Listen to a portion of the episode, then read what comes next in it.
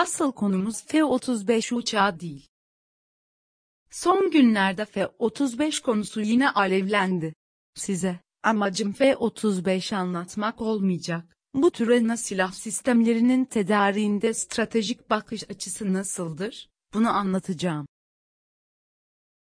Bu önemli konuyu anlamamış veya yanlış anlamayı, anlatmayı kendine vazife edinenler için temel açıklamalarım var. Başat güç, tehdit değerlendirmesi, strateji, vizyon, tedarik programları. Uçak tipi benim konum değil, temel noktalara bakmak, işte bu benim işim. Uçak tipi, Janes gibi dergilerin işi olsa gerekir. Bu manada söylüyorum, magazinciler stratejiden ne anlarlar? Anlıyorlarsa, mesela askeri akademilerden mezun olmalılar.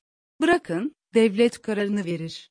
Savunma çalışanları, plan prensipler bölümlerindeki kardeşlerimiz çalışıyorlar.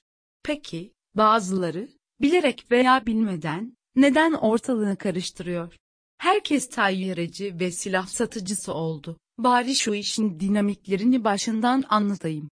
Sıradan olan işlerden bahsetmiyoruz. Bu çok büyük bir iştir, stratejiktir. Başat güç. Başat güç, belirleyicidir. İstediğini istediği zaman, yaklaşık olarak da olsa, yapma kudretine sahip ülkedir. Bir başat gücün elinde kullandığı üç ana güç birimi vardır. Parası, silahı ve ideolojisi. ABD'yi düşünün, elindekiler, dolar, teknolojik silah endüstrisi ve liberal demokrasi. Rusya. İki kutuplu dünya varken Rusların elindekiler, Spinin rublesi, ağır silahları ve sosyalizm idi. Bugün Rusya, Ukrayna savaşı ile iyice açığa çıktı. Diyebiliriz ki, ruble zayıf, silahlı kuvvetleri iyi değil, zaten rejimi otoriter kapitalizm oldu. Peki iddiası ne? Nükleer gücüne, çok büyük coğrafyasına, yeraltı kaynaklarına ve Rus imparatorluk geçmişine bakarak, ABD'nin rakibi olmaya devam etmek. Stratejisi ne? NATO'da çatlak oluşturmak ve zayıflatmak, Çin ile ilişkisini güçlendirmek, yeraltı kaynaklarının dışında tekrar silah tedarikçisi olmak ve emperyalizm karşıtlığı ile bu silah satış gücünü birleştirerek nüfuz alanlarında hakim olmak. Burada başat güç bağlamında Çin'den veya Avrupa'dan bahsetmedim, konu dağılmasın diye. Rusya'dan bahsetmemin nedeni var. CAATSA, NATO vesaire konuyla doğrudan ilgili.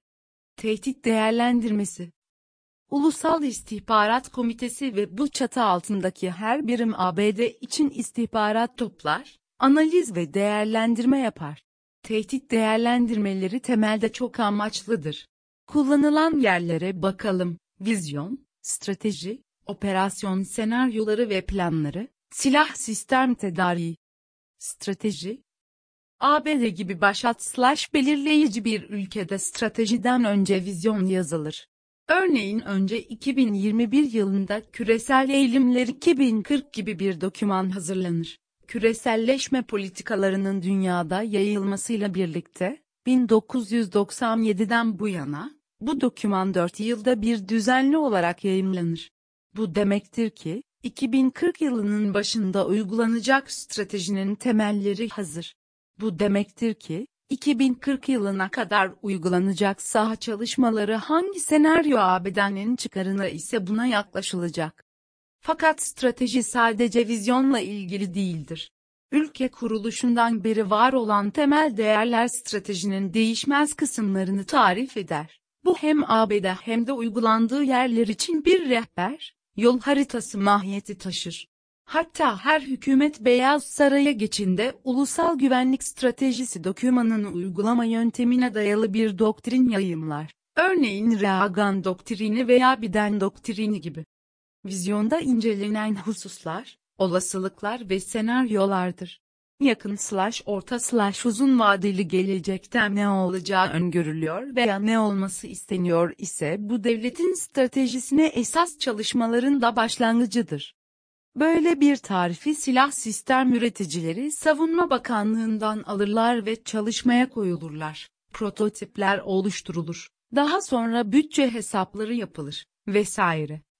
NATO'nun vizyonu ABD dışında amaçlar güdülecekse müttefiklerin olması gerekir.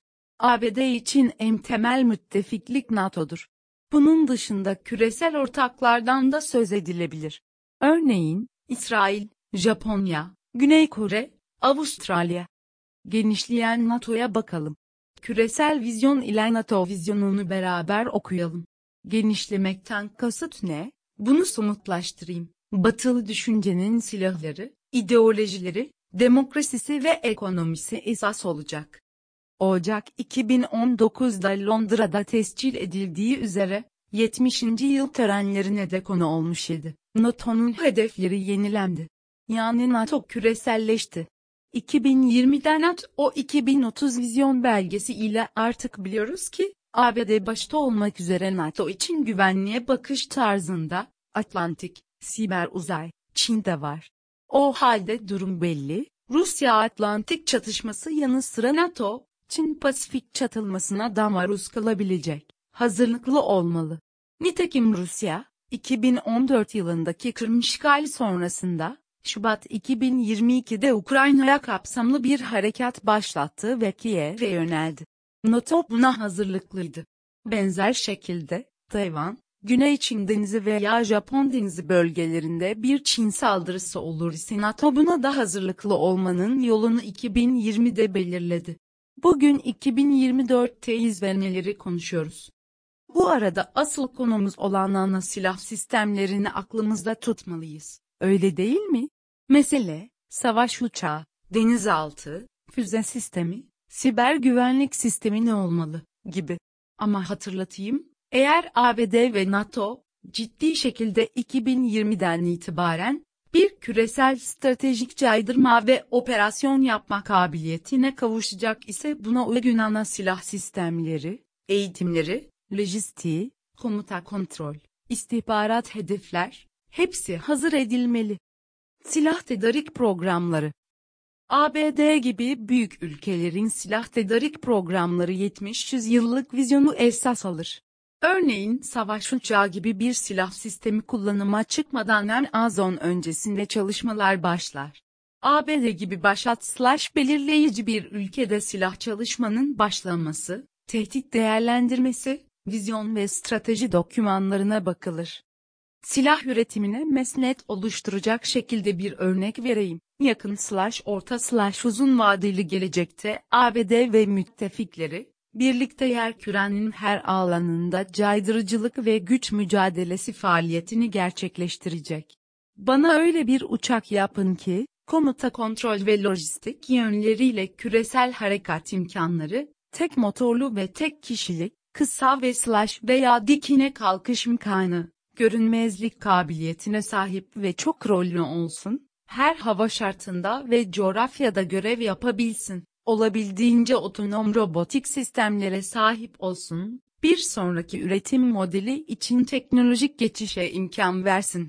Yani bu tanım uçak imalinden sonra değil, daha işinden başında yapılır. İşte böyle bir tanım neticesinde, örneğin, Lockheed Martin'in F-35 Lightning II projesi son kabuller yapılmadan önce tüm bileşenler tarafından bir araya gelinerek masaya yatırılır. Peki bu masaya yatırma tarihi ne? 2000'lerin başında, uçuşu ise 2006 yılıdır. Ama bakın, ABD açısından durum nedir? Bunu bir daha ifade edeyim. ABD'nin elinde Lockheed Martin'in F-22 Raptor savaş uçağı var. F-22'lerin görücüye çıkması 1997, servise alınma tarihi 2005'tir. Burada bir uçaktan bahsediyorsan eğer, benim gibi çoğu uzmanın ortaklaşa iddia edebileceği bir değerlendirmedir. Gelmiş geçmiş en iyi savaş uçağı bu F-22'dir. ABD'de böyle bir uçak var ve milli amaçlarla kullanmaktadır. Bunu kendisi için yeterli görüyor, başkalarına satmayı düşünmüyor. Küresel amaçlı kullanım için ise yeni bir siparişi öne çıkarıyor. F-35, ki bu da öyle ucuz bir proje değildir. Hatta bazı özellikleri bilinmez. Bu uçağın birçok metal aksamı kritik elementlerdendir. F-35'leri kimler tedarik ediyor? Dikkatinizi çekti mi bilmem. Kendileri savaş uçağı üreten ülkeler, İngiltere, Almanya, Japonya, Güney Kore, İsrail vesaire hepsi F-35 satın alıyor. Eurofighter uçağını hangi ülkeler üretiyor? Neden? Tehdit değerlendirmesi, strateji ve silah tedarik programları bunu gerektiriyor. Buradan şunu da anlamalısınız. Türkiye başka uçak da alsa, kendi savaş uçağı, MMU, da yapsa, eğer 2040 tehdidin çerçevesinde bir yerlerde olmayı hesap ettiyse, buna uygun uçak sistemlerini elinde tutmalıdır. Bu tür stratejik konular, milli uçak ve diğer savunma sanayini engellememeli, hatta geliştirmeli ve politikalar bu anlayışa göre sürdürülmelidir. Türkiye, başta ifade ettiğim gibi, herkes uçak pazarlamacısı oluverdi. Strateji bilmek başka şey, silah satmak başka. Ben bu güneydek hep sistemlerden, stratejiden vesaire bahsettim. Hatta ifade edeyim. İlk 1 Mayıs 2019 tarihinde küresel uçak F-35 başlıklı makalemi yazdım ve Habertürk ekranlarında bir soru soruldu. Konuyu, neden küresel dedim şeklinde uzun uzadıya açıkladım. Projeyi küresel şeklinde tanımlamam nasıl anlaşıldı bilmiyorum. O tarihlerde CATSA uygulamaları, 2017, Türkiye'nin F-35 projesinden çıkarılması, 2019 ve S-400 tedariği, imza 2017, teslimat 2019 konuları vardı. Bugün aynı yerdeyim. Süreç, ana slash temel tanımı bilmekle başlar. Uçak bir ana silah sistemidir. Benim en iyi bildiğim konularda, kuvvet mukayesesi, kuvvet çarpanı, durum üstünlüğü nedir hususlarında konuşurum. Asla birebir uçak mukayesesi yapmadım. Hep savaş şudur, diye açıkladım. Ama şu ortalıkta gezinenlere bakın. Eğer NATO'nun genişlemesinden, vizyonundan, stratejisinden yanaysanız, belgelere imza attıysanız, durum değişmedi ki.